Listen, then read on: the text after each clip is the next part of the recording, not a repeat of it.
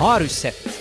De siste månedene har han skapa overskrifter med alt fra Instagram-poster til landslagsmål og en etterlengta La Liga-retur. Vi har blitt fortalt at han er blitt voksen. Han er vår egen gullgutt og til og med ei superstjerne.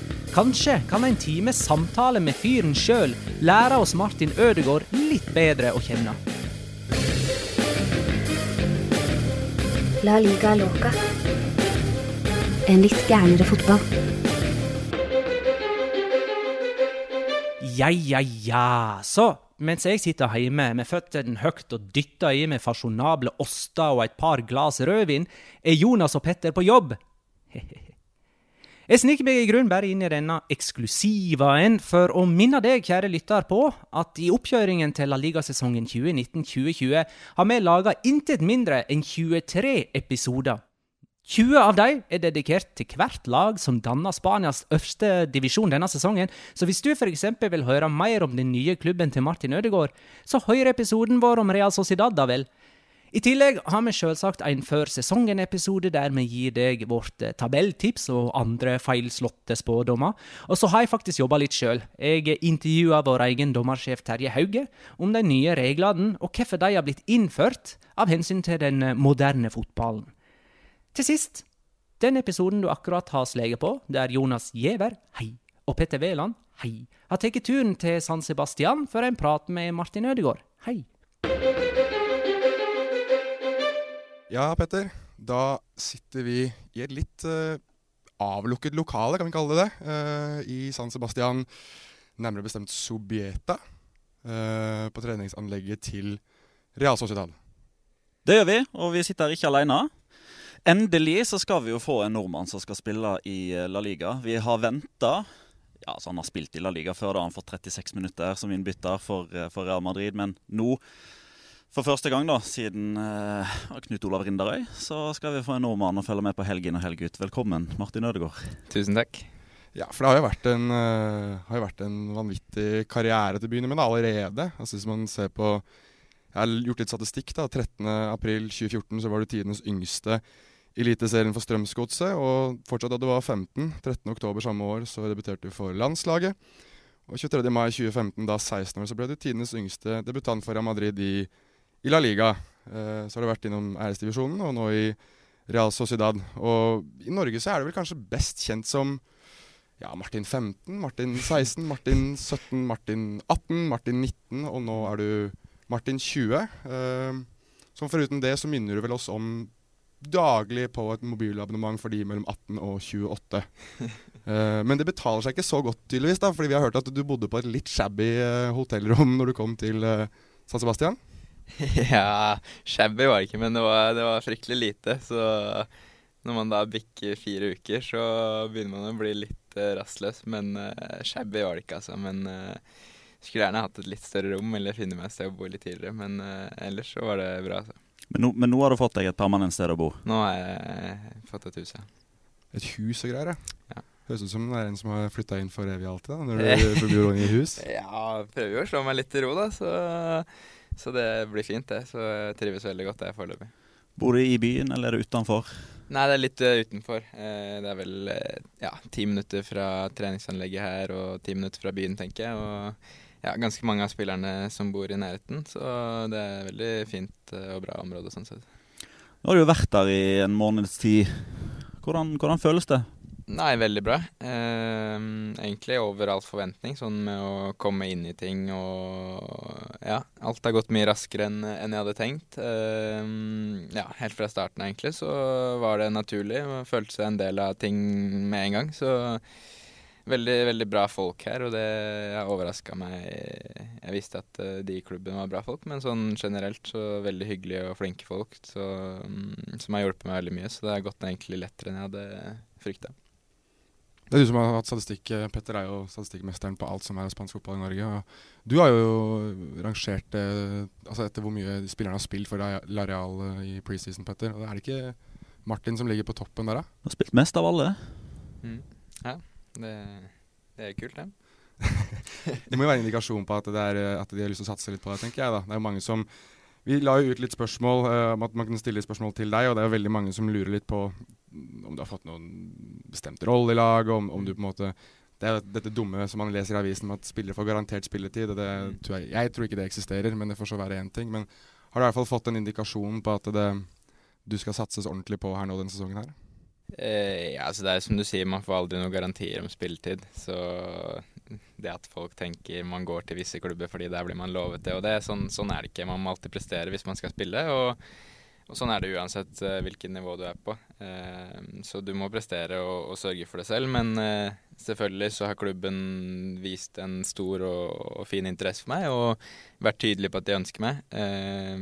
så jeg føler meg trygg på at de ønsker å satse på meg, selvfølgelig. Det, ellers hadde jeg ikke kommet hit. Så det var jo en av hovedgrunnene til at jeg til, til at jeg er her nå, at jeg fikk den følelsen at de virkelig um, ønsket meg. Så absolutt, men uh, man, man, må sørge for det selv. Det er ikke andre som, uh, som kan gjøre at du spiller. Mm. For du har spilt i litt sånn forskjellige roller nå i løpet av treningskampene. Litt, uh, litt tier, litt ut mot høyre, litt indre løper.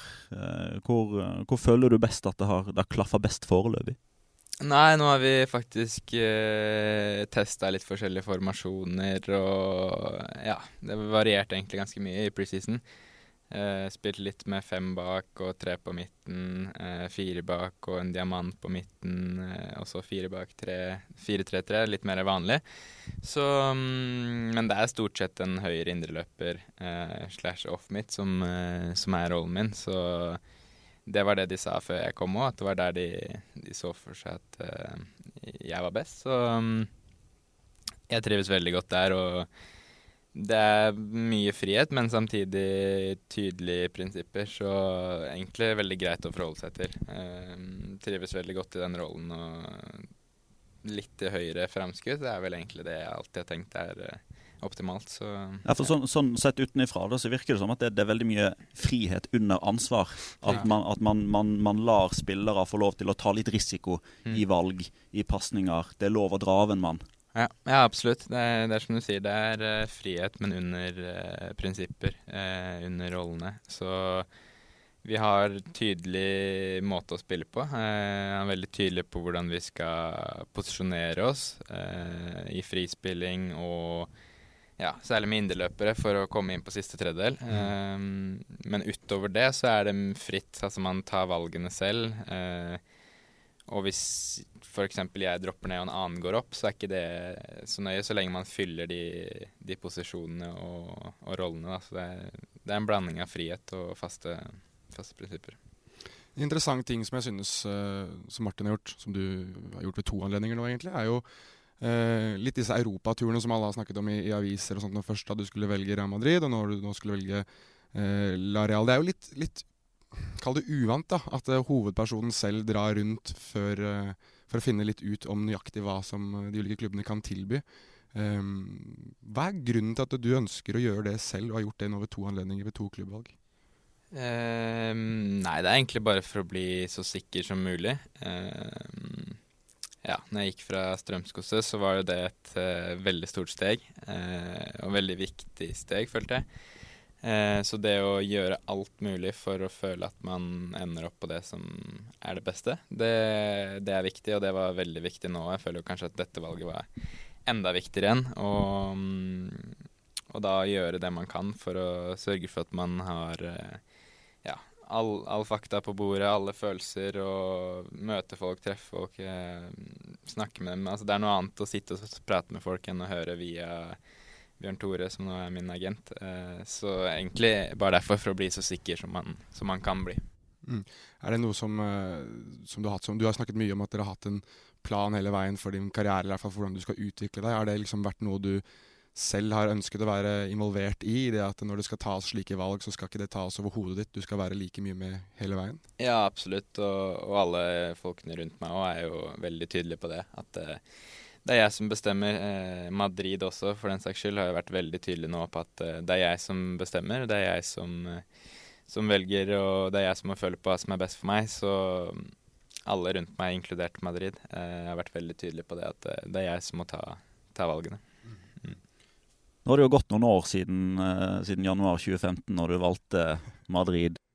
Og presentasjon på Valdebebas, og eh, det var vel knapt en norsk journalist igjen i landet. Alle reiste til Spania. Eh, hvordan ser du tilbake på det nå, når det har gått, det har gått noen år? Altså, eh, Klyper du deg sjøl litt i armen og tenker altså, hva i alle dager var det som skjedde da? Ja, jeg må, jeg må jo le litt også når jeg ser tilbake på det og ser Jeg husker den morgenen, så jeg husker jeg, jeg gadd ikke dusje engang, for jeg tenkte at når jeg kom fram, så kunne vi fikse og ordne oss og liksom gjøre litt sånne ting der, da. Så jeg gadd ikke å dusje engang på morgenen når vi dro fra Norge og, og kom fram, hadde på meg en eller annen genser jeg bare fant fram. Så, og så ble jeg kasta rett inn på pressekonferansen der, og jeg så ganske trøtt og sliten ut der. Så det er, det er litt komisk å se tilbake på det nå. Det, det er det når man ser eh, ja, presentasjoner av spillere som sitter der i dress og det ene og det andre. Så sitter jeg der i den uh, stripegenseren med ikke vært i dusjen engang. Så sånn sett litt komisk, men eh, ellers er det jo selvfølgelig surrealistisk og ja, det er ikke så lett å skjønne hva som skjer når man er i situasjonen. Eh, skjønne hvor stort det er. Eh, selv om man, man forstår jo at det er stort, men eh, jeg tror ikke det er eh, mulig å helt skjønne hva som skjer når man er eh, oppi det. Så ja, det er rart å tenke tilbake på det, men, eh, men også veldig glad jeg gjorde det. Jeg føler jeg har lært ekstremt mye av, av alt det der.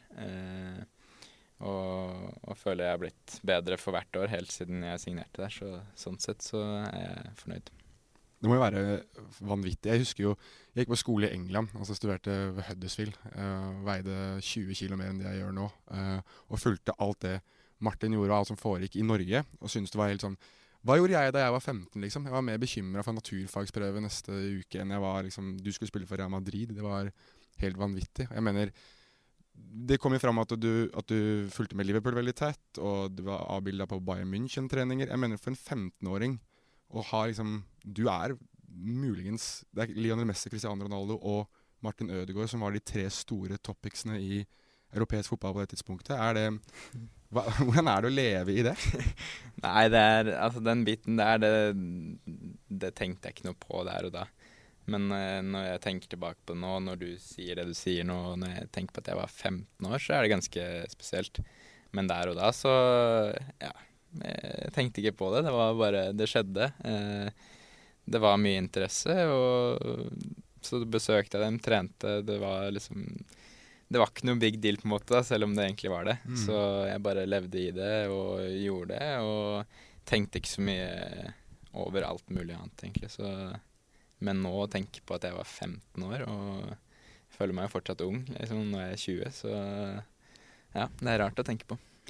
Men jeg tenker jo altså eh, I løpet av den turen her som jeg, så har meg og Jonas eh, altså, fleipa mye med, med liksom psykoanalyse. Med, med å, å Du har fleipa mye med det. Altså, å, å, å lese folk og Ja. tenke at han, han, han er litt sånn og han er litt sånn. Altså, sånn Sett utenfra, da. Altså, du må jo ha vært ekstremt mentalt sterk for å kunne, som 15-åring, da, bare være helt normal og helt deg sjøl. Ikke bli en annerledes person. Eh, ikke la seg affisere av at alle banker på og, og vil ha noe av deg. Eh, ja, jeg tror jo at eh, min mentale styrke kanskje er noe av det, det som har vært viktigst for meg opp igjennom. Både i forhold til eh, trening, eh, men også det å håndtere ting. Eh, det tror jeg har vært noe av det viktigste for min del, som er eh, ja, egentlig opp gjennom alt. eh, måten jeg har håndtert ting på, har vært Der føler jeg at jeg har vært bra. Men jeg har ikke tenkt så mye over det heller, egentlig. Når jeg var 15, så var det ikke sånn at jeg ja, jobba mye med det, eller ja, brukte mye tid på å flytte fokus over på andre ting. Og det var bare helt naturlig for meg, egentlig. Jeg, jeg var 15 år, det eneste jeg ville var å, å trene. Jeg trente med godset og ville trene ekstra etterpå. og det var liksom ikke noe mer enn enn å spille fotball og, og ha det gøy. Eh, Hadde du aldri en plan B? Nei, Altså plan A, bli fotballspiller. Plan B. Altså, Nei, altså, ja, hva, hva, hva var plan B? Jeg har jo fullført eh, videregående, det ble jeg ferdig med i fjor. Så sånn sett Jo, takk. Så sånn sett så har jeg jo en, eh, en plan B. Eh, det Altså, du, du har jo en lagkamerat nå, Mik- Mikael Øre Sabal, som nettopp har tatt bachelor i, i, i bedriftsøkonomi. Mm. Samtidig som han blir U21-europamester og spiller i, i La Liga. Men altså, Ja. hvis du ikke hadde blitt fotballspiller, da, hva tror du du hadde blitt? Hadde du blitt litt sånn inn i klesbransjen som din far, eh, eller Altså, jeg har fått det spørsmålet så mange ganger. Jeg klarer ikke å, å se for meg noe annet, egentlig. Det er veldig vanskelig for meg. Eh, nei, det er umulig. Jeg har liksom ikke noen andre sånn store interesser, så Du hadde ett mål, du, og nådde det. Ja, jeg har hatt én drøm, og den har jeg for så vidt fortsatt. Um, men eh, ja, jeg er glad jeg kan leve av det her. Det er ganske suverent, eh, den videoen av deg som går mannekeng i San Sebastian med disse klærne til Areal også. Så hvis det ikke hadde gått med fotball, så kunne du kanskje blitt klesmodell. Det er jo fullt mulig, det. Ja, jeg vet ikke hvor interessant jeg hadde vært hvis jeg ikke var fotballspiller, men eh, Nei, men altså Uansett så er det åpenbart at du har kommet en, en lang vei uh, i, i din karriere nå, men eh, for litt sånne gærne folk som meg, da. Uh, det er diskutert en del, og vi har snakket om det, Petter. Vi har jo litt, I det rommet her så har vi hengt opp litt fotballdrakter uh, og sånn, og det er en del ting folk lurer på, blant annet Ørjan Arneveig Samuelsen som lurer på om det irriterer deg at du nå når du spiller i Spania må bruke O på drakta og ikke Ø. Um, nei, egentlig ikke. Det har egentlig null og niks å si for meg. Uh, men jeg mener å huske at i Madrid så printa de Ø på draktene. Mm. Uh, men jeg vet ikke hvordan det er her. Det, på den så er det vel O. Det er verdt å påpeke for de som hører på dette. Ja, det, det er ligger en drakt ved siden her, ja. Det henger en drakt eh, med, med Odegard eller Odegård eller alt som du ønsker å Nei, det, det går veldig fint. Jeg er vant til at uh, jeg skriver Odegaard på alt mulig og Og du gjør det? Ja. Så, Jeg kan jo litt om det, da. Som gjever. Altså med æ, det er AE. Det er liksom det er Nei, jeg har ikke det problemet. Nei. Nei, bare Det er greit. Du kan godt vise, vise deg fram så mye du vil. Um, dette er jo også et, eh, et spørsmål som jeg har fått litt, og noe som jeg også lurer litt på, er jo ting som draktnumre. Altså, jeg har aldri noen gang vært borti en fotballspiller tror jeg, som har hatt så mange ulike draktnumre som det du har hatt i løpet av din karriere. Eh, nå, sånn det er godt gjort på fem år, altså, Ja. hvis, uh, hvis, hvis jeg er den med flest. Du debuterte med 67 i Godset. Ja. Uh, da husker jeg bl.a. en takling fra Det må jeg spørre deg om. Christian Grindheim. Har du litt sånn horn i sida til han, eller etter den grisetaklinga på Ullevål? Nei, absolutt ikke. Han, han er en fin fyr, han, så det var egentlig, egentlig var morsomt å tenke på det. Det var jeg, jeg fikk egentlig ikke noe vondt heller, men jeg bare skjønte at det var så, det var så heavy takling, så jeg la, lå litt lenger nede og sa at det skulle Kanskje han kunne få et kort, eller det kunne gå litt mer tid der, så Nei, det var, det var helt eh, OK, det. Jeg husker at det var mange som var sånn Da var du jo 15. Så var det, sånn, er det lov å gjøre? Er det lov å grisetakle en 15-åring på den måten? Ja, altså, er det ja, altså, liksom? altså Får man lettere gult kort hvis man takler, takler 15-åringer kontra 25-åringer? Ja. Altså, Legges lista lavere da? Ja, det tror jeg. Ja, du håper i hvert fall på det, kanskje? Nei, men for å gå tilbake da, Du spilte med 67 da du debuterte. Du har hatt 16 i Godset. Du har spilt med 41 da du debuterte i La Liga Mm. med Real Madrid. Eh, Du har også spilt med nummer 27 i Copa del Rey og 36 i oppkjøringskamper. Så det her er bare Det er tre numre bare i Real Madrid. Eh, I hele 26 òg, faktisk. ja, Preseason. så kan, kan det bedre enn meg. Ja. Um, I Heerenveen har du hatt 17, og så byttet du over til 10. Mm. I Fites spilte du med 18. Og på landslagene, altså alle ulike landslag, så har du hatt 9, 10, 11, 15, 20 og 22. Uh, vi har jo en Så et par andre kastier, da, men der var du ikke fast. Det var Nei. litt sånn fra kamp til Der fikk vi jo Startelveren var 1 til 11. Ja. Så Det er mange, mange nummer, altså. veldig mange numre. Vi har jo, hatt, eh, vi har jo dratt, dratt til Amsterdam, Petter, og der fikk vi jo høre fra folk i Ajax-butikken at Dusan Tadic, da han signerte for Ajax, hadde innskrevet i kontrakten sin at han skulle ha nummer ti. Det skulle stå, og da var det Hakim Ziyech som hadde tieren. Han måtte pent ta seg et annet nummer, fordi det sto i kontrakten til Dusan Tadic. Så er eh, spørsmålet mitt er litt Er, er, er draktnummer viktig for deg på noen som helst måte? Nei, egentlig ikke. Det skjønner man vel etter du har eh, lest opp alle disse, alle disse tallene. Så Nei, det betyr veldig lite, skal jeg være ærlig. Eh, jeg syns ti er kult. Eh, utover det så så spiller det egentlig ingen rolle. Har du noen eh, form for eh, ritualer eller noe sånt du må gjennomføre før kamper eller før treninger og sånn som eh, du på en måte må igjennom? Mm, Ja, jeg har egentlig veldig mye rart. Jeg har litt sånn tvangstanker på en del ting og sånn. Men før trening så er det jo mer sånn basic med å gå gjennom øvelser og forberede meg på trening og sånn. Men ja, kamp så er det jo mye med mat. Da. Når spise og hva spise. Spise samme tingene, sånne ting. Eh, Få det ut nå, nå er vi interessert. nei, det blir jo stort sett kylling og ris, da. Uh, så tidligere så har jeg alltid spist tre timer før kamp. Det har liksom vært den norske måten å gjøre på. Her i Spania så er det litt annerledes, i hvert fall når kampene er sent. Så det er jo ofte stort måltid, eh, lunsj seks timer før kamp, og så veldig lett tre timer før kamp. Så mm, jeg er mer på den varianten nå. Så kylling og ris, da, som er blitt min faste matchmat. Så den, eh, den følger jeg. Er det noe annet? Før kamp er det høyre sokk før venstre sokk? Nei, sånne ting eh, er jeg ikke noe, ikke noe på. Men eh, jeg pleide å ha tyggis på oppvarming, det har vært en greie for meg. Men eh, det er ikke sånn helt psycho på det. Mest Øsil, da vel, som eh, pleide å, da han var i Real Madrid i hvert fall, som pleide å stå og trikse med tyggis opp i kjeften igjen og sånn. Ja, stemmer. Har du kjørt det et par ganger? Nei, det, det unngår jeg. Jeg tror ikke jeg klarer det. Jeg, jeg hadde vedda på at du hadde klart det. Ja, det tror jeg. Ja, teste det. Så jeg merker Når jeg kjører, når jeg kjører bil og skal skru opp og ned volumet, så må jeg alltid skru opp Altså jeg må, jeg må, avslutte med å skru opp. Altså Hvis jeg skal skru ned, altså typ fra 27 til 12, så må jeg alltid jekke den opp til 14 for å avslutte sånn på opptur. Ja. Det er mye greie. Jeg må alltid tråkke på fotgjengerfeltene, altså på de hvite, når jeg går over gata. Jeg vet, altså, Det har jeg alltid hatt fra liten av. Så jeg ser ut som en idiot hver gang jeg går over. Fryktelig lange steg, da. Veldig lange steg. Uh, det er en av de tingene jeg ikke er så glad i å innrømme. Men siden vi er her i innrømmelsens stund, så skal jeg være såpass klar på det. Og som regel så legger man merke til at jeg er den som går på siden. Hvis jeg kan gå på siden av fotgjengerne, så har det ikke noen ting å si. Det trenger ikke det. Men må jeg over Er det sånne lange fotgjengerfelt, liksom? Sånn som det er i New York og sånn? Det ser ikke pent ut. Jeg gjør, eh, gjør virkelig ikke det, altså. Ehm, for å gå litt videre, da. Uh, fritiden din. Uh, det er jo en myte uh, at fotballspillere går på trening, eller står og spiser og går på trening, og så er det hjem for å spille Fortnite eller på Instagram. Er det sånn det er?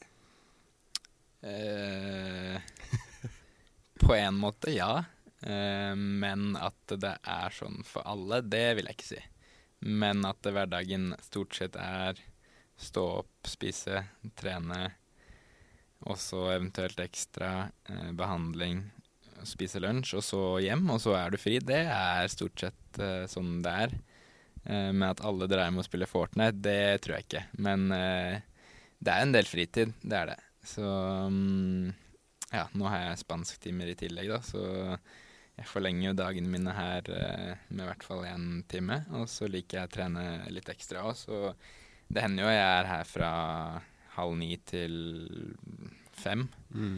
Så når du kommer hjem da, så, så er det jo ikke så mye mer energi enn å lage seg middag og legge seg på sofaen og så ta kvelden. Så mm, ja, det er enkle dager, men eh, det tar på da når man eh, bruker så mye tid og energi på, på å trene og, og gjøre alt riktig sånn sett. Hvordan går det med spansken? Nei, det går ganske greit, føler jeg. Um, Lagkameratene mine mener jeg ikke bør ta timer lenger, så alt sånn sett i garderoben og på trening og alt sånt, det går helt fint. Men eh, ja, jeg føler meg ikke helt komfortabel sånn Vi skal snakke utover fotball og ja, med litt forskjellige tider og bøying av verb og Den biten der er jeg ikke helt trygg på, så nå preseason har jeg ikke så mye annet å gjøre uansett, så da har jeg bare ja, tatt timer og prøver å bli så bra som mulig. Så mm, det skader jo ikke det. Du, men altså, nå har du jo Altså, når du var 14-15, altså når du begynte å trene med A-laget til Godset, så ble du kjent med nye folk der. Mm. reiste til Madrid, ble kjent med nye folk der. Ned på Castilla, ble kjent med nye folk der. Vitesse, Heerenveen, hit. Du må jo være Norges beste på smalltalk. det tror jeg ikke er.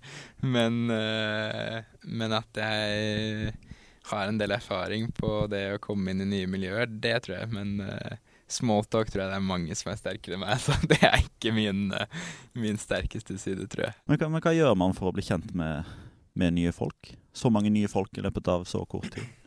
Så mange ulike kulturer òg. Ja, nei, det, altså, det er jo en utfordring, det. Det er ikke bare sånn at man eh, eh, ta på seg treningstøyet, og så er alt eh, good. Det, det tar jo litt tid å komme inn og forstå hvordan ting funker, eh, hvordan folkene er, hvem, ja, hvem man skal snakke med de ulike tingene om, alt mulig sånn. Det tar jo tid, så i, i Heerenveen, husker jeg, så følte jeg jo ikke at jeg liksom skjønte alt før etter et halvt år. Eh, I Vitesse gikk det raskere. Eh, var jo kjent med nederlandske kulturen og kunne språket bedre og sånn. Og, og nå her så har det egentlig vært lettest, føler jeg, sånn av alle stedene jeg har vært, å komme inn i ting. Eh, kanskje litt med at jeg kunne språket ganske bra. Men også folkene og, og kulturen her er veldig åpen, veldig Ja, egentlig litt likt eh, De sier jo det at denne delen av Spania er litt likere, Mm. Likere Nord-Europa. Så um, egentlig her for, for å sitere min gode kollega Roar Stokke, jeg snakka med en taxisjåfør i går. Altså når vi tok taxi opp til Iron, når dere spilte mot, uh, mot eh, Osasona på fredag, han sa akkurat det samme. Altså hvis, det, hvis, det er en, Mm. hvis man har likheter mellom Norge og Spania, Mm. så er det her oppe i Baskaland. Mm. Han mente også at du var på det helt perf mest perfekte stedet i verden for å utvikle deg. Så hvis han har rett på det ene, så kanskje han har rett på det andre også. Det hadde jo vært uh, Ja, en det- fin greie, det. kan vi håpe. Ja, eh, Et annet spørsmål her fra Even Ekra, som lurer på om du henger mye med Alexander Isak. Og går det da i svorsk? Eh, og ja, først det. Eh, ja, jeg har hengt en del med han. Eh, vi bodde jo på samme hotell i starten. eh, Ganske lenge begge to, så da ble det en del tid sammen. Spiste middag stort sett sammen eh, hver dag. Eh, Flytta han ut litt før meg og fikk en del familie og noe sånt nedover, tror jeg, så da var det mindre, men eh, henger en del med han. Og mm, ja, det går i svorsk, fordi jeg har ikke noe problem med å forstå han. Men svensker de er svake altså, på, på, på språk, særlig norsk. Så jeg føler jo jeg må Ja, jeg burde nesten snakka engelsk med han, for jeg snakker jo så rart når jeg snakker med han at uh, Hvis jeg snakker vanlig, så er det bare hæ? Tilbake. Ah, du må liksom slenge inn noen sånne Ja, svenske ord du har hørt. eh, Stamma. jeg må kjøre konstigt og, og det ene og det andre, så mm, hvis han skal forstå. Det er såpass, ja. Ja. Men går det, men går det kun i spansk uh, Altså Når dere er på trening sammen også, går det, går det kun i spansk også mellom dere som snakker uh, engelsk? Altså det, jeg prøvde å søke meg litt opp da på, på dette med treningssituasjoner og tolker. Mm. Og Shinji Kagawa i Manchester United snakka jo ikke noe som helst engelsk. Så han hadde jo, eller i, i, også i Bayern nei, Borussia Dortmund eh, snakka han jo ikke tysk. Da hadde han jo en fysisk tolk som løp bak han på treningsfeltet og eh, oversatte alt det Jørgen Klopp og hvem var det på det tidspunktet? Eh, kan det ha vært Louis van Hall? David Moyes eller noe sånt i, i Manchester United. Så um, han hadde faktisk en kar som løp bak han, så han må ha vært like godt trent. Men dere har kanskje ikke noen sånne tilfeller her hvor dere må ha fysiske tolker bak dere hele tiden? Nei, det har jeg ikke eh, vært borti. Eh, det var vel en kineser i Madrid som eh, Det var tøff for, men ellers så har det aldri vært noe sånn stort problem, egentlig. Det med Det er veldig lett å liksom komme inn i basic fotball og er ikke mye som skal til for å forstå en øvelse, altså. Det er mye kroppsspråk kroppsspråk. ja, mye kroppsspråk og mye som er kjent. Og så akkurat det er egentlig null problem, føler jeg. Eh, så her så er det jo enten spansk, og så hvis du ikke skjønner det, så får du forklart på engelsk. Mm. Eh, enten av noen andre spillere eller eh, noen trenere. Så det er eh, null problem. Mm. Men baskisk, det, det begir du deg ikke ut på. Nei, det blir skerikasko, som betyr takk. Det er eh, så langt eh, jeg har kommet meg. Ja, jeg har fått sånn egon on, som er god dag. Ja. Og gabon tror jeg er hei, eller noe sånt. Ja. Og Agur. agur. agur. Ja. Ja.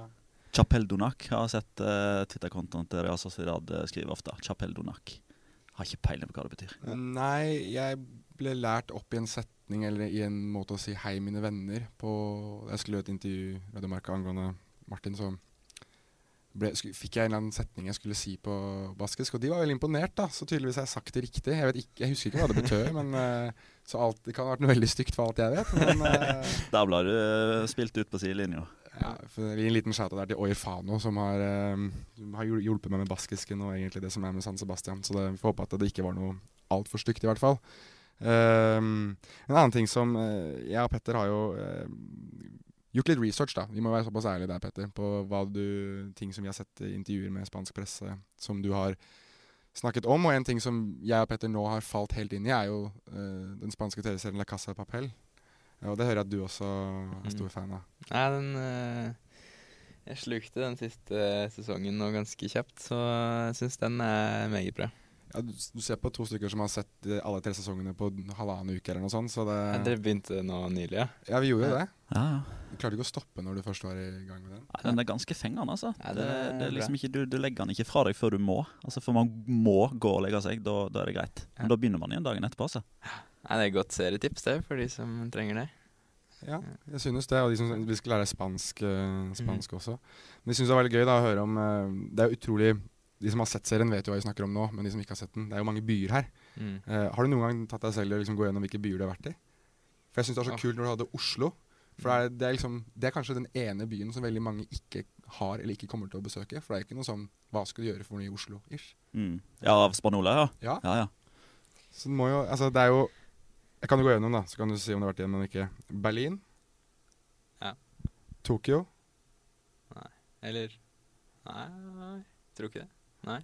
Jeg tror du hadde visst hvis du vært i Tokyo, altså. Jeg har vært i, nedi der med Madrid, da, men jeg tror ikke vi var i Tokyo. Nei, sier vi nei. Rio de Janeiro. Nei. Oslo. Ja. Helsinki. Uh, nei. Palermo. Nei. Denver. Nei. Moskva. Nei. Nei. Det var dårlig, det her. Ja, det var veldig dårlig. Stockholm. Der har jeg vært, det. Lisboa. Ja. Nairobi. Nei. Marseille. Tror ikke det. Bogotá.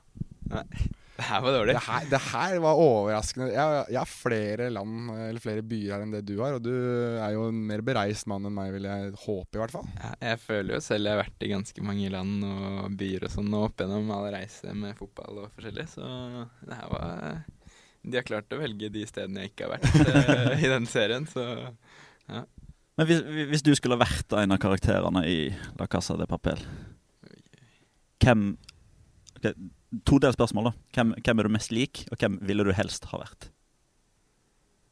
po. Den er vanskelig, altså. Mest lik uh... Nei, det er ikke godt å si. Altså. Man, vil, man vil vel kanskje ikke være lik noen av de? Nei, det er det som er problemet. Ja. Du. Professoren er jo Han er jo legende, da. Ja. Han er rå. Han må jo være. Man vil jo være han. På lik linje så vil det jo ikke være han, for han sitter jo med ansvaret for alle de folka som skal gjøre alt. Nå spoiler vi jo litt her, da, men uh, han sitter jo med en del ansvar for en del mennesker. Ja.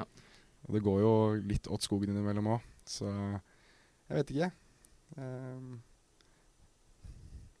hvem han ville vært? Ja, det, De regner med at det er han du ville vært, men hvem han er? Jeg er sikkert Jeg, ja, du er Denver. Det er Denver. Altså, det er ikke noe tvil. Det er litt sånn skyter fra hofta, og, og Petter er mer uh, Jeg vet ikke, hva er du, Petter? Palermo eller noe sånt? Berlin. Berlin. Du har lyst til å være Berlin? i Jeg har lyst til å være Berlin. Ja, litt sånn ja, Har litt kontroll, men vil, vil ha litt mer enn hva jeg egentlig får. Er det det som er meg? Magnar er jo ikke her, men jeg kan jo svare for Magnar sin del. Han er Nairobi. Magna er nedover. Han får ting gjort. Ting skjer med Magnar, eh, Ja. og ting skjer med Nairobi. Så han skal få lov til å, til å være den. Hva slags musikk hører du på? Ehm, nei, det er et litt kjedelig svar, men det er egentlig alt mulig. Ja.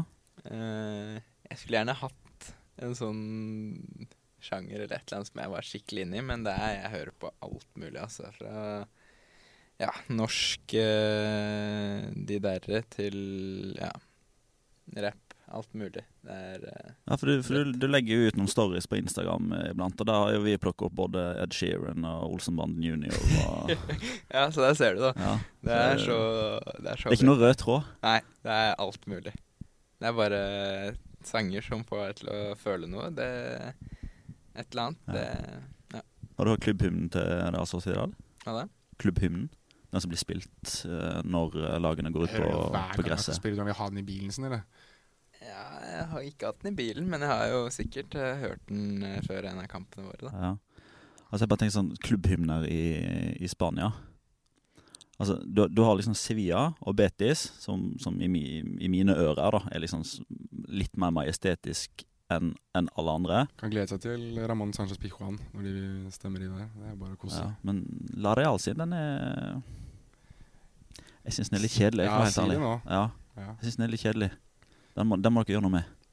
Ja, du får ta det med sjefen her når du går ut etterpå. Har du nummeret til Joakim? Ja, du skal få det etterpå, så Ja, kan du kan du ta det opp med han? Mulig Petter kan, eh, eller Martin kan få de derre til å lage en ny uh, Lareal-hymne. Det hadde vært litt, uh, litt stemning. Det hadde blitt noe.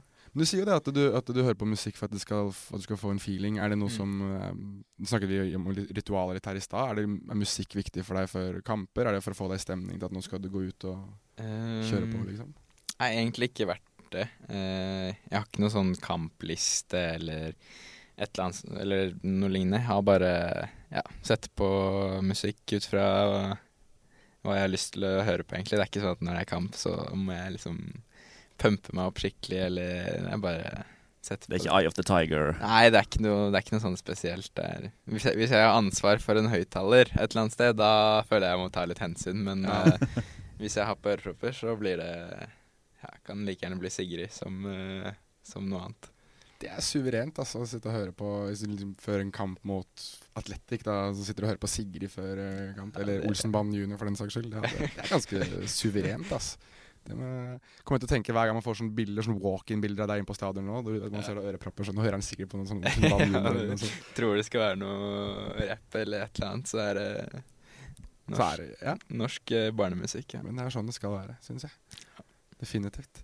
Um, har du opp, rukket å oppleve San Sebastian på noen slags måte? Jeg har sett at du har vært ute og tatt litt bilder, men har du Mm. rukket å se Det er jo en fantastisk estetisk by, da. Ja, nydelig by.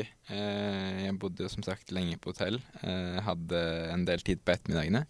For vi har tre, trent stort sett bare på morgenene. Så mm, de Jeg har gått en del turer da, fra hotellet der til ja, forbi de to strendene, for de som eh, kjenner til de, bort til La Concha der. Så mm, det området der kjenner jeg ganske godt til.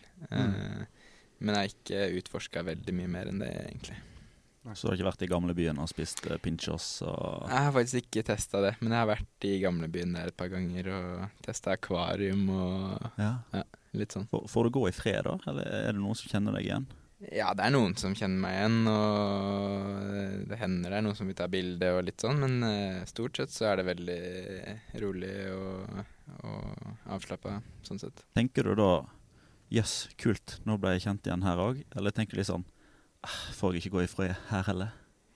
Nei, det er nok nærmere den siste, men eh, det påvirker meg egentlig ikke noe særlig. Det er hyggelig hvis noen vil ta bilde, og hvis ingen vil det, så er det også deilig. Så ja. Er det, er det mer eh, hva skal jeg si, Er det mer trøkk rundt det nå, eller har, har det gitt seg litt? Akkurat, al- altså den, den mediehypen og den at alle vil ha en bit av deg, er det, er det litt roligere nå? Ja, det vil jeg si er mye roligere, egentlig.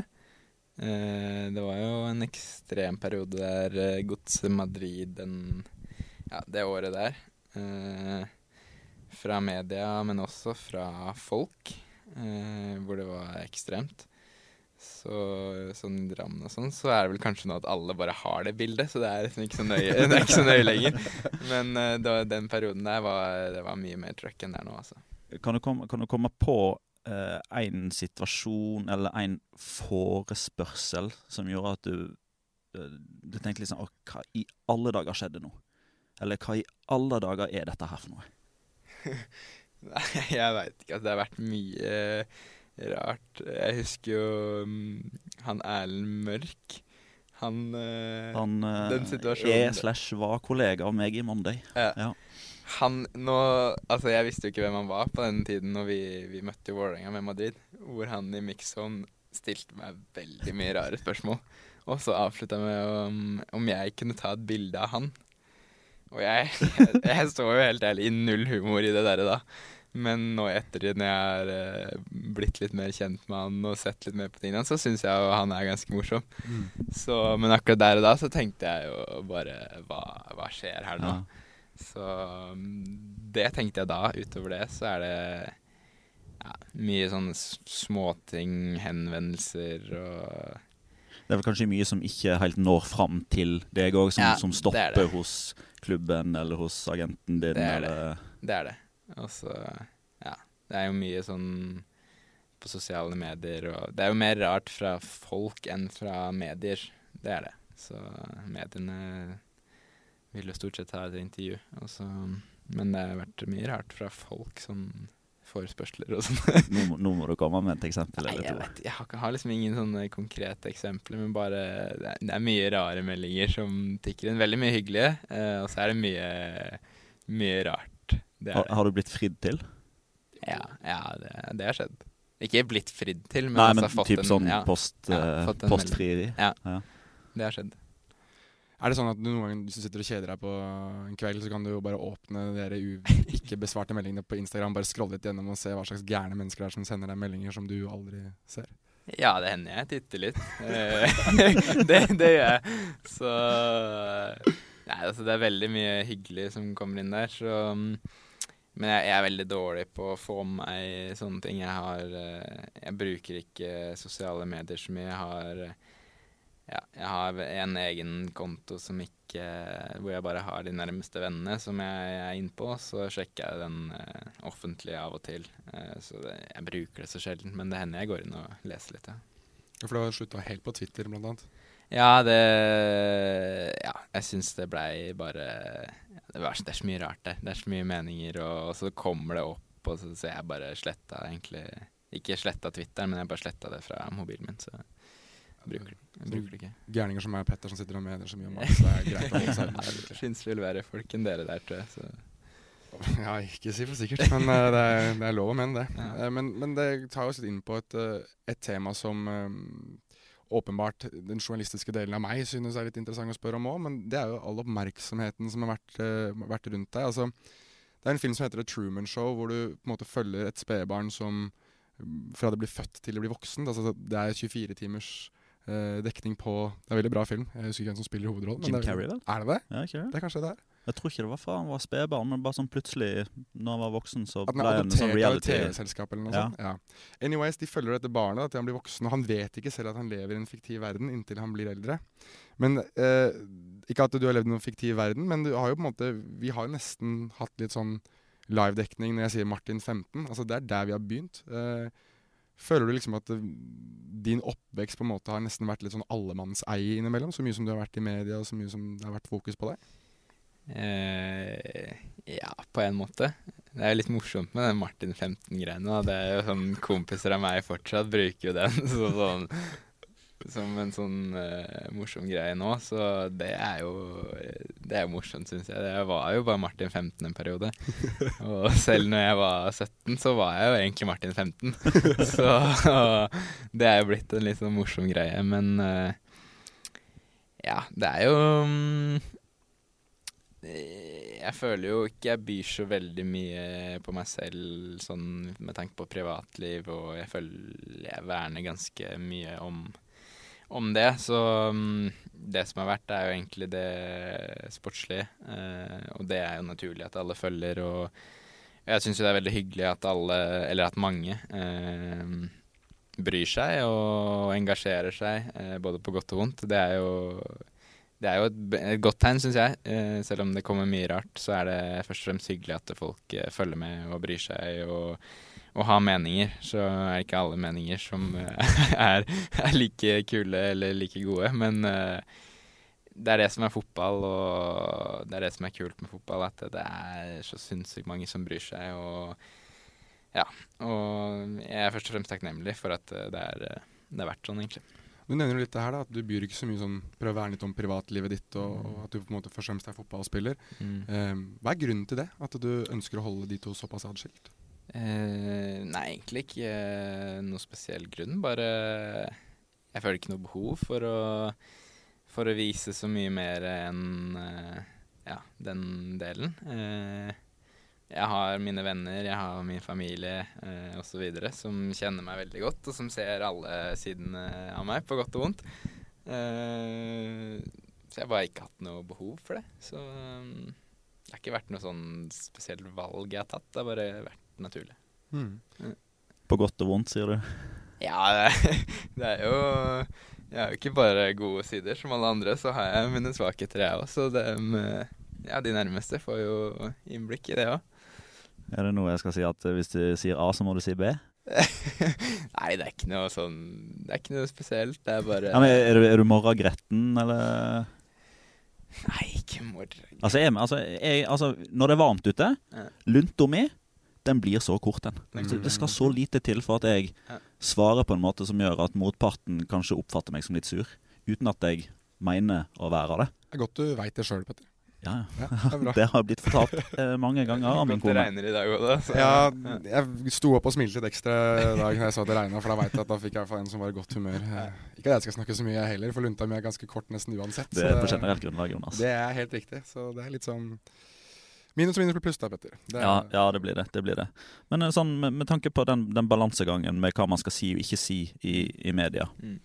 Altså, vi er jo såpass eh, stødig skrudd sammen at vi vet at det er ikke alltid du sier ting som det er. Nei. Det er jo eh, åpenbar eh, tanke og logikk bak det. Men føler liksom at altså, Det der eksempelet da med, med, med når du svarte på et spørsmål i, i, i Nederland om Zidane, som plutselig ble vridd til noe som det ikke var ment som. Altså, Er, er det sånne ting du har i bakhodet? Altså, sitter du nå, for eksempel, altså, i dette intervjuet, sitter du nå underveis og tenker ja, nå må jeg passe litt på hva jeg sier? Eh, Ja, altså, jeg syns jo Jeg syns podkast er en veldig fin og bra greie. Du er alltid velkommen hos oss. Så Ja, så ja, det er hyggelig. Eh, og det er jo mer avslappa. Så det er jo Jeg har jo veldig lyst til å sitte her nå og bare si akkurat alt som det er. Alt jeg Du, tenker. du får lov til det, altså? Men jeg veit da at det blir oppslag i Norge, det blir oppslag i Spania, og det blir oppslag i ganske mange andre steder hvis man sier noe som kan tolkes negativt om, om noe. Mm. Så um, derfor er jeg forsiktig med, med hva jeg sier. Jeg føler jeg blir bedre på den biten, hvis man kan si det. Mm. Eh, at jeg, jeg var vel kanskje mer stressa med sånne ting da jeg var yngre. Eh, at jeg var mer redd for at ting skulle bli tolket feil og sånn da. Og ja, føler jeg blir mer og mer åpen på den biten. Eh, men ja, den situasjonen med Zidane var jo eh, veldig spesiell. Det var, ja, det var vel lokalavis, jeg tror jeg, i Arnem som hadde stilt meg noen spørsmål om Madrid, og da spurte om om Zidane fortsatt hadde nivået. Om han var med på noen treninger og hvordan nivået var. Mm. Og så sa jeg bare ja, ja han, han har vært med på en del økter, og du ser at han har kvaliteten fortsatt, liksom. Og så var det bare at uh, han gir dårlig selvtillit. Ja, at du mista selvtilliten fordi han var så mye bedre enn resten. Ja. eller et eller annet sånt. Det var et eller annet sånt. Og da var jo hovedoverskriften i alle andre aviser var jo bare Zidane var ikke bra for selvtilliten. Ja, riktig. Så Altså, så det er jo så Ja, så ekstremt som det kan bli, mener jeg, da. Det er ganske dårlig journalistikk. Så Men altså, det er sånn det er, så da må man ta litt hensyn, da. Da burde jeg kanskje bare sagt at uh, ja, Zidane har vært med på noen økter, og, og ferdig med det. Så Men gjør det at du på en måte i sånne situasjoner så Du åpner deg jo litt mer. Altså det er jo litt Må jeg være fra en som er altså vært i en del redaksjoner og sett en del ulike ting. er liksom sånn Ja, Martin Ødegaard han er veldig flink til å svare i media, og han er veldig trent til hva han skal si, og du får liksom ikke noen sånn kjempestore overskrifter som regel fra ham. Men når du faktisk byr på deg selv, kommer med noe som er litt mer enn et kjedelig svar, og så smeller det tilbake på deg på den måten der, det må jo være. Altså, du må jo sitte og riste på huet etterpå. Hvorfor gidder jeg?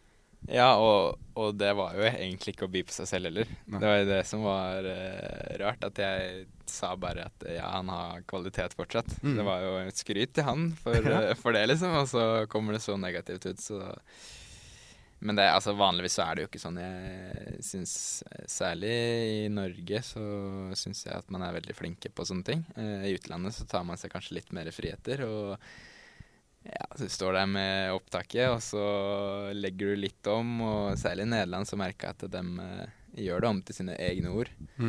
Så um, man lærer seg også å kjenne journalister etter hvert, og vet hvem man kanskje bør eh, holde litt tilbake igjen til, og hvem man kan åpne seg opp for sånne ting. Så ja, det er en balansegang der som man må lære seg å, å kjenne.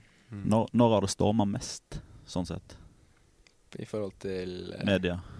Nei, det var den Madrid eh, Ja, slutten av godset, starten av Madrid-perioden. Men det var positivt. Det var positivt, ja. Negativt, da? Negativt var det Nei, det var jo en ganske lang periode i Madrid der hvor det var mye negativt. Eh, den Castilla-perioden. Og så var det jo en del negativt i Heerenveen nå, husker jeg. Så det har jo vært både positivt og negativt, men det, det er sånn det er. Det er eh, altså skal man skrive gode saker om meg, så skal man skrive dårlige saker om meg òg, så det er helt naturlig. og det har aldri vært noe problem for min, min del, men jeg føler jo Det eneste er kanskje at det har vært for positivt når det har vært eh, positivt, og for negativt når det har vært negativt. At det, det har vært litt svart-hvitt. Men eh, En polariserende figur, da, med andre ord. Det er enten bare sunshine og fantastisk, eller så er det dommedag. ja, det virker sånn. Være den som tar det som er litt elefanten i rommet, jeg, da, og stille spørsmål hva angår altså dine uttalelser og ting som eh, vinkles opp ned og i mente, og forsider og det som er. Og det, det kom jo en, en Instagram-melding fra deg eh, før eh, fotball-VM eh, i Frankrike denne sommeren her, som veldig mange diskuterte, veldig mange spekulerte i, veldig mange hadde en mening om. Eh, hvordan opplevde du alt det? Nei Eh, Egentlig ikke noe noe annerledes enn det jeg har sagt så langt. Bare at jeg reagerte på, på det som kom ut, når det kom ut. Eh, ja, timingen. Og, og følte for å si fra. Eh, og når jeg da sjekket med både Svein Graff, som er medieansvarlig, og Lars Lagerbäck, som er sjef for landslaget, og fikk eh, ja, et ja til å Eller et ok til å legge ut det. Så nå veit vi at man på landslaget ikke, ikke trenger å spørre hver gang man skal si sin mening, men sånn situasjonen var opp mot kamp og alt sånt, så følte jeg at det var viktig. Og når de da ikke hadde noe å si på det, så leide ut. Så ikke noe mer enn det, egentlig. Men, men du må jo ha hatt en tanke i bakhodet. Du vet det at den største stjerna på kvinnesiden og den største stjerna på herresiden, og herre, han på herresiden er kritisk til hun på kvinnesiden. Eller i hvert fall kommer med noe som kan oppfattes som kritikk, eller oppfattes som irettesettelse på en viss måte. Du må jo ha hatt en tanke at nå kommer det til å smelle. Eh, ja. Jeg skjønte jo at det kom til å bli oppmerksomhet, det gjorde jeg. Det er ingen tvil om. Så det var jeg klar over. Eh, så absolutt, det, det måtte komme, det. Hva, hva tenker du om at det blåses opp sånn? Du, jeg mener, du har jo Jeg synes at det, det illustrerer at du har jo en vanvittig mediemakt. da. Når du Mm. kan det er, Hvis jeg legger ut noe sånt på min Instagram, for eksempel, så er det ingen som bryr seg. ikke sant? Det er kanskje noen som ser, og, ser det og tenker hva er det han er gæren på. Men hvis du gjør det, så er det altså en hel nasjon stopper opp. Ja. Du, du er på 24 timer altså TV 2 er i gang på sine nyhetssendinger. VG hadde dere på forsida.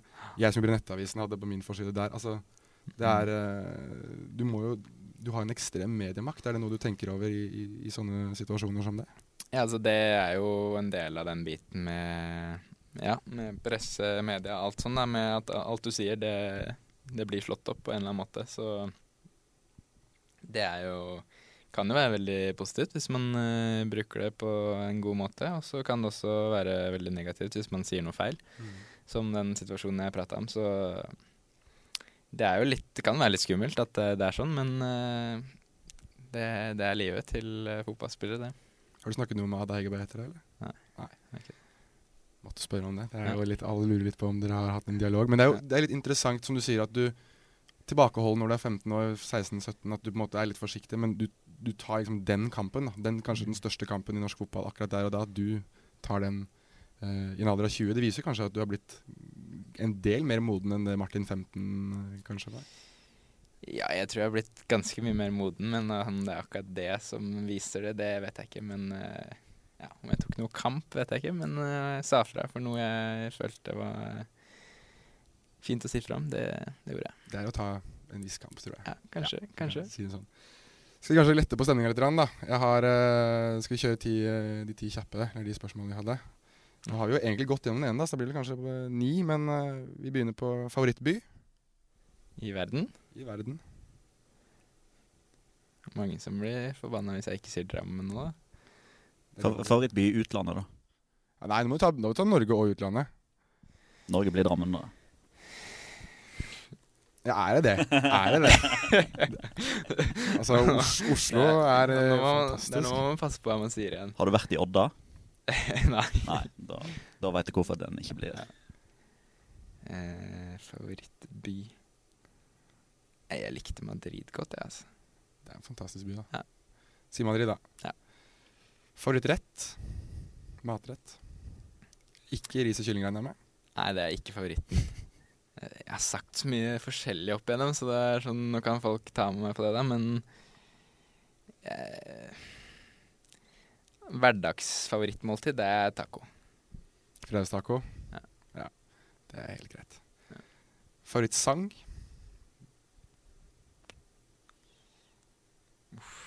Det her får jeg problemer igjen.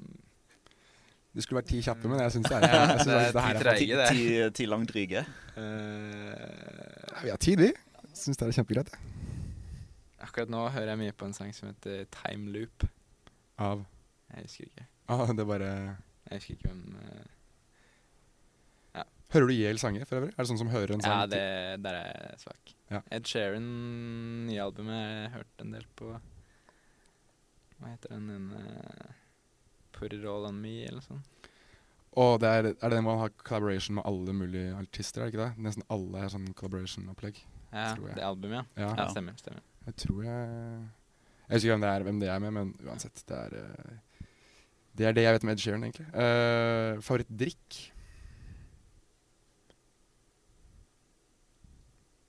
Iste.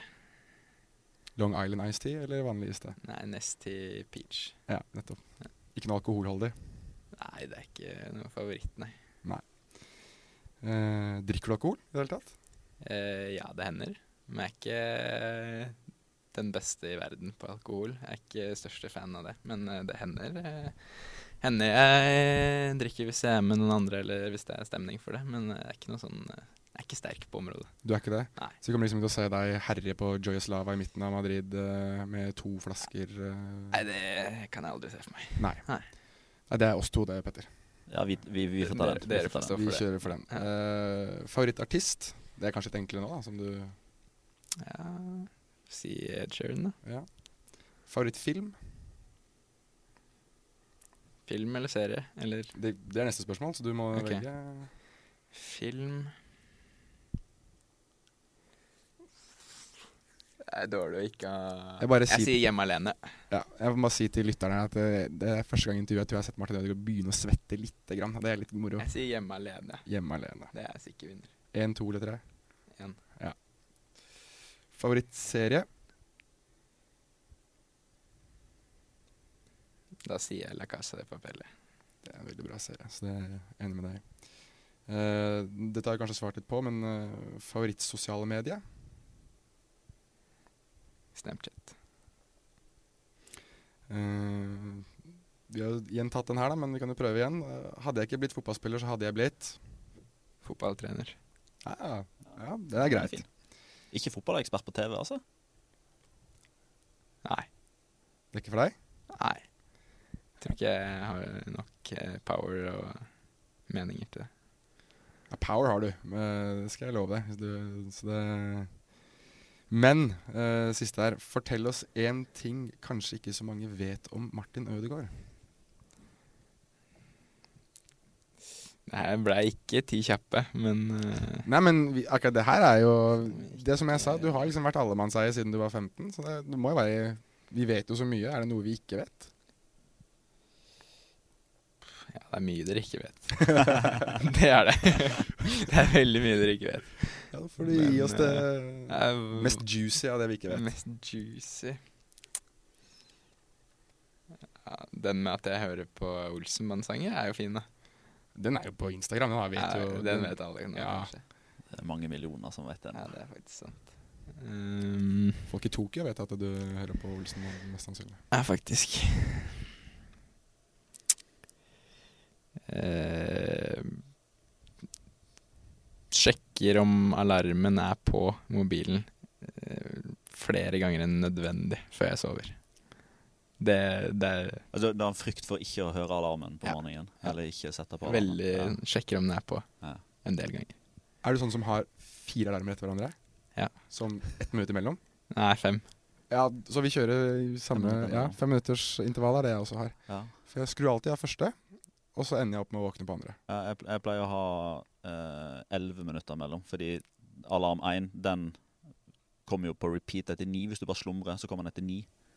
Du må slå av slumre. Kan ikke ha på det. Er ikke du en slumrer? Nei, jeg bare tar den bort. Så sover du videre, eller står du opp med en gang? Nei, så jeg har fire, alar fire alarmer, men den første den bare går rett ut. Den slumres ikke. Den er bare ferdig. Du bare slår vekk den med en gang, og så Ja. venter du på alarm to, liksom? Ja. Det er litt det samme, litt det samme, men jeg, som regel så er det alarm fire, eller så er det ikke noen alarm til slutt. Så har det gått fire timer ekstra enn jeg tenkte. Men, eh, eh, men da vet vi det, at uh, Martin Ødegaard er ikke en slumrer og har mange alarmer på. Uh, Men da, Petter er Vi begynner å nærme oss slutten nå, men jeg har lyst til å eh, håper å si, i, i hermetegn stille det litt til veggs. For du har sagt Ja, at du har fulgt litt med på, eh, på La Liga det siste året. Altså, bare sånn generelt, hvor fotballinteressert er du?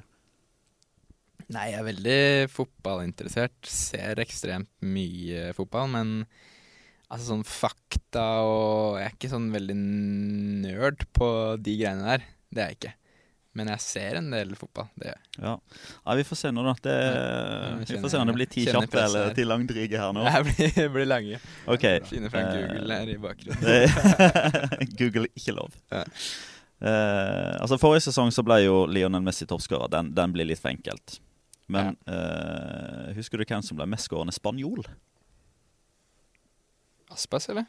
Det er helt riktig. Én av én. Kjempefeiring her nå. Av alle aktive fotballspillere i La Liga, så er det jo òg Messi som har skåra flest. Altså Han står med flest mål i La Liga gjennom tidene. Ja. Men den blir for enkel. Av de som er aktive nå, hvem har skåra nest flest I La Liga? i La Liga? Altså Han er fortsatt aktiv i La Liga, så Cristiano Ronaldo er ikke riktig svar. Han er jo Altså, aktiv det må i være de som han spiller spiller fortsatt i La Liga.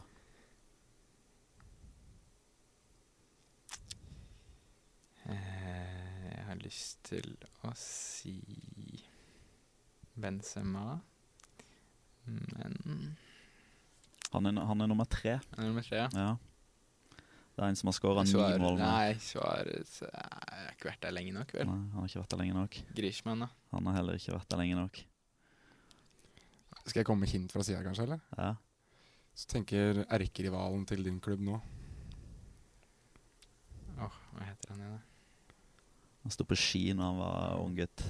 Han har vel eh, Er det bronsemedalje han har i det spanske mesterskapet på Ja, det baskiske. baskiske? Mm. Hva heter han igjen, da? Aritz Ar- Adoris. Adoris. Ja. Adoris, ja.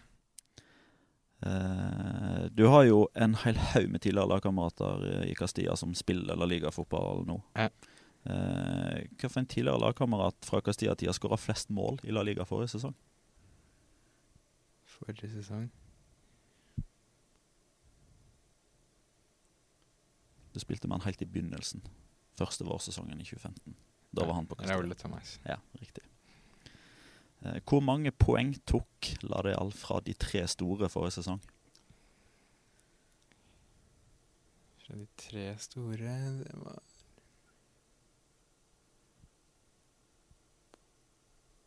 Jeg kan høre hjernecellene til Martin Ødegaard fungere nå. sju eller ti? Seks. Seks? De tok alle de seks poengene Ja. mot Real Madrid. Ja, det en av dine nye lagkamerater her i Real Sociedad, Porto, mm. han skåra 20 mål for Girona over to sesonger. Men han ble ikke toppskåra noen av sesongene i Girona. Hvem skåra flere mål enn Porto? Jeg veit hvordan han ser ut, men jeg husker ikke navnet hans. Christian Stuani. Stuani. Stuani. Hvor mange skandinaver er det i La Liga per 11. august 2019? Er det så man skal begynne å telle, eller er det for mange? Nei, du kan telle de. Hvor mange nordmenn er det? Det er én, tror jeg. Ja. Hvor mange svensker er det? Isak I hvert fall to. Det er to svensker, det er helt riktig. Og så er det danskene. Det er eh, tre, eller? Fire. Fire. Fire. Sisto, Vass, Simon Kjær Ja, han er og Martin Braithwaite. Martin Braithwaite. Eh, ja, de, De solgte han andre dansken. ja, de, Mathias Jensen er Ja. ute, og andre Julsager er ute. Ja. Så, eh, Diego Costa ble utvist mot Barcelona i mars for å si noe eh, lite hyggelig til dommeren. Fikk du med deg hva han sa? Vi trenger ikke si det på sånn bokstavelig talt, for da blir vi excited. Jeg, jeg leste vel et Det var noe om en mor der, i hvert fall. Ja. Ja. ja. Det er godkjent. Den er godkjent, ja, den, altså. den er godkjent. Den er godkjent. Jeg tror ikke vi skal gå dypere inn på det. Eldste og yngste lagkamerat i Real Sociedad. Hvem er eldst? Hvem er yngst? Helst er uh, Suro. David. Surusea. Han er utespiller, riktig. Det er en av keeperne. Moya, da. Ja, Og så er det Barenchene. helt riktig. Eh, 16. august, da reiser jo dere til eh, Valencia dagen før kamp. Ja. Hva er spesielt med den datoen for Diego Llorente og Ayhen Munoz? 16. august. Ja. Er det bursdag? Ja. Ja. Så må huske å kjøpe kake, eller ja. hva det er for noe. Ja. Og hvordan endte det mellom Valencia og Real Sociedad forrige sesong?